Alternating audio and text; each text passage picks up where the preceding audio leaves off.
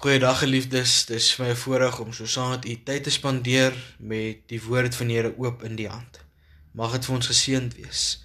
Ek wil u uitnooi om saam met my vir 'n oomblik stil te word in gebed en daarna sal ek vir ons aangaan met ons teksgedeelte vandag. Kom ons bid saam. Here Jesus, dankie vir die dag wat u vir ons gegee het. Dankie vir die geleentheid wat ons het om saam met mekaar deur die Gees saamgebind te wees, u woord oop te hê en saam daarna te luister, dit te oordink en 'n deel te maak van ons lewe. Here kom werk in ons om ons nader aan U wil te bring. Here kom seën ons. Ons wil dit kom bid en vra in afhanklikheid en in vertroue in U naam alleen. Amen. Geliefdes, ek lees vandag vir ons twee gedeeltes uit Markus hoofstuk 11 Die eerste daarvan is vers 12 tot vers 14 en die tweede vers 20 tot 25. Die eerste gedeelte se opskrif is Jesus vervloek die vyeboom. Toe hulle die volgende dag van Betanië af teruggekom, het Jesus honger gekry.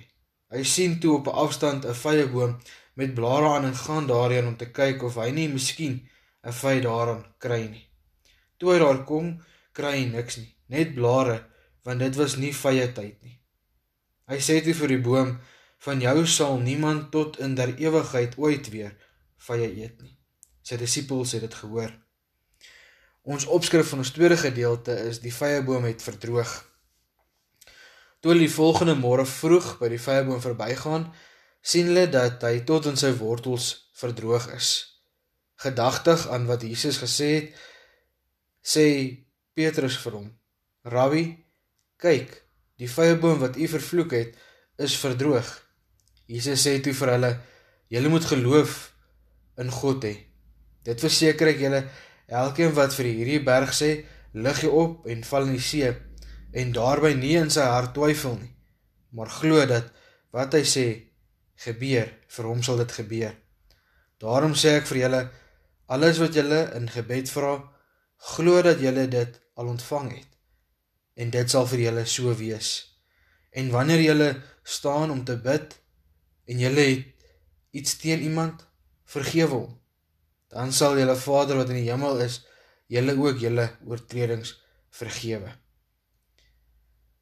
Ons skriflesing vandag tot sover geliefdes. Geliefdes, as ons dink aan hierdie twee teksgedeeltes, dan sluit dit mekaar aan. Dit handel oor die vyeboom. Dit speel af net na Jesus se intog in Jerusalem in. Ons weet dat Betania net so buite Jerusalem was. En dan sien ons in die eerste gedeelte wat ons saam gelees het dat Jesus het honger gekry. En hy het iets te eet gesoek. En hy het die vyeboom opgemerk, gesien dit is groen, dit dra blare met die hoop dat as hy nader gaan, hy 'n vy sal kry om te eet om sy honger te stil. Maar as hy daar kom, dan kry hy niks anders behalwe blare aan die boom nie. En dan vervloek Jesus hom deur te sê van jou sal niemand tot in der ewigheid ooit weer vye eet nie. Want hy het nie aan die wil van die Here voldoen nie. Hy het nie die vrug gedra waarna die Here gesoek het nie.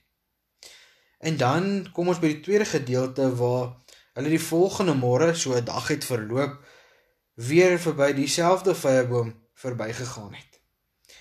En die disippels kan nog goed onthou wat het Jesus die vorige dag gesê vir die vyeboom. En daarom Petrus wat vir Jesus sê Rabbi kyk die vyeboom wat u vervloek het is verdroog. En ons sien die boom is in totaliteit verdroog. Hy het vergaan. Hy is verdroog tot in sy wortels. Dit is verby met daai boom. Hy het geen doel of nut meer nie. Maar dan maak Jesus dit persoonlik deur vir die Petrus en die disippels te antwoord: "Julle moet geloof in God hê." Dit is op die einde van die dag waarin ons lewe lê, om geloof in God te hê. Indien ons nie geloof in God het nie, kan ons vervloek word, veroordeel word soos die vyeboom en ons kan dood wees tot in ons diepste binneste omdat ons nie geloof in God het nie. Dan gaan Jesus verder en maak dit meer prakties deur te sê Dit verseker ek julle elkeen wat vir hierdie berg sê, lig jou op en val in die see en daarby nie in sy hart twyfel maar glo dat wat hy sê gebeur, vir hom sal dit gebeur. Geliefdes, as ons geloof in God het, dan moet ons ook vertroue in God hê. Ons moet nie twyfel nie, maar as ons iets van die Here vra of iets in die naam van die Here doen, moet ons glo dat hy dit ook vir ons sal gee binne sy wil op sy tyd en op sy manier. Ons is menslik en ons beleef baie keer twyfel want die gedagte of dit wat ons van die Here versoek is eintlik oorweldigend en groot volgens ons eie manier van dink en oortuiging. Maar as God iets vir ons wil doen en ons glo en het nie twyfel in ons harte nie, dan sal dit so gebeur soos ons dit van hom vra. Dan sê Jesus ook, daarom sê ek vir julle, alles wat julle in gebed vra, glo dat julle dit al ontvang het en dit sal vir julle so wees. Jy sien ons moet met 'n verwagting bid om te sê, Here ja, dit is wat ons bid, maar ons glo dat U dit ook binne U genade, binne U wil, binne U tyd vir ons sal gee. En dit is dan nie 'n vinnige kits optrede nie. Partykeer vat dit tyd voordat die Here gehoor gee aan ons gebede. Die vraag is volhard ons in geloof en vertroue in God. Geliefdes, maar ons word ook gewaarsku hier aan die einde van ons tweede teksgedeelte. Jesus sê en wanneer jy staan om te bid en jy het iets teen iemand, vergewe hom, dan sal julle Vader in die hemel julle ook julle oortredings vergewe. Geliefdes, dit sê vir ons iets van die gesindheid waarmee ons na God toe gaan in gebed dat ons opreg en met 'n skoon gewete voor God moet kom staan as ons bid. As ons bewus is van iets wat iemand of selfs onsself teen 'n ander het, moet ons daardie persoon vergewe.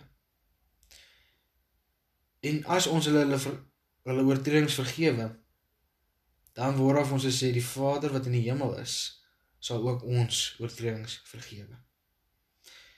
In ander evangelies hoor ons, maar as jy ander mense nie vergewe nie, sal hulle Vader wat in die hemel is ook julle oortredings nie vergewe nie. Geliefdes, dink aan die onsse Vader wat ook so afsluit. Wat sê en eintlik van ons verwag dat ons ander moet vergewe soos dit ons verwag God ons moet vergewe. Daarom 'n gesindheid, 'n opregtheid, 'n deernis in ons geloof en ons geloofslewe.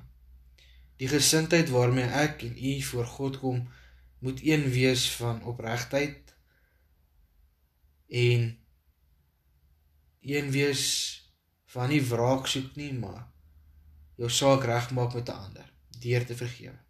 Terwyl dit daarmee saam geloof en vertroue moet huisves en dat die twyfel in ons harte nie die oorhand sal kry nie.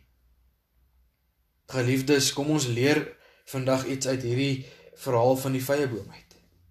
Dat daar waar Jesus die disippels waarsku vir hulle sê julle moet geloof in God hê. Hoor hoe ons vandag opgeroep word dat ons ook vandag moet besef ons moet geloof in God hê. Nie in iets anders of iemand anders nie, maar in God. Mag dit vir ons waar wees dat ons God sal soek in ons diepte in ons harte dat ons geloof al sterker in hom sal groei. Dat ons geloof en vertroue sal hê en nie sal twyfel nie. Kom ons bid saam. Here, dankie vir u woord. Dankie dat ons deur hierdie gelykenisse, verhale wat u aan die disippels kom bekend maak het, kan weet dat u ons daardeur kom leer. Here, help ons om geloof in u te hê. Help ons om op u te vertrou. Help ons om met die regte gesindheid na U toe kom sonder iets of iemand wat ons daarvan weerhou. Help ons om te vergewe, Here, soos wat U ons ook vergewe. Ons kan dit nie vanuit ons eie krag of vermoë doen nie. Ons het U nodig.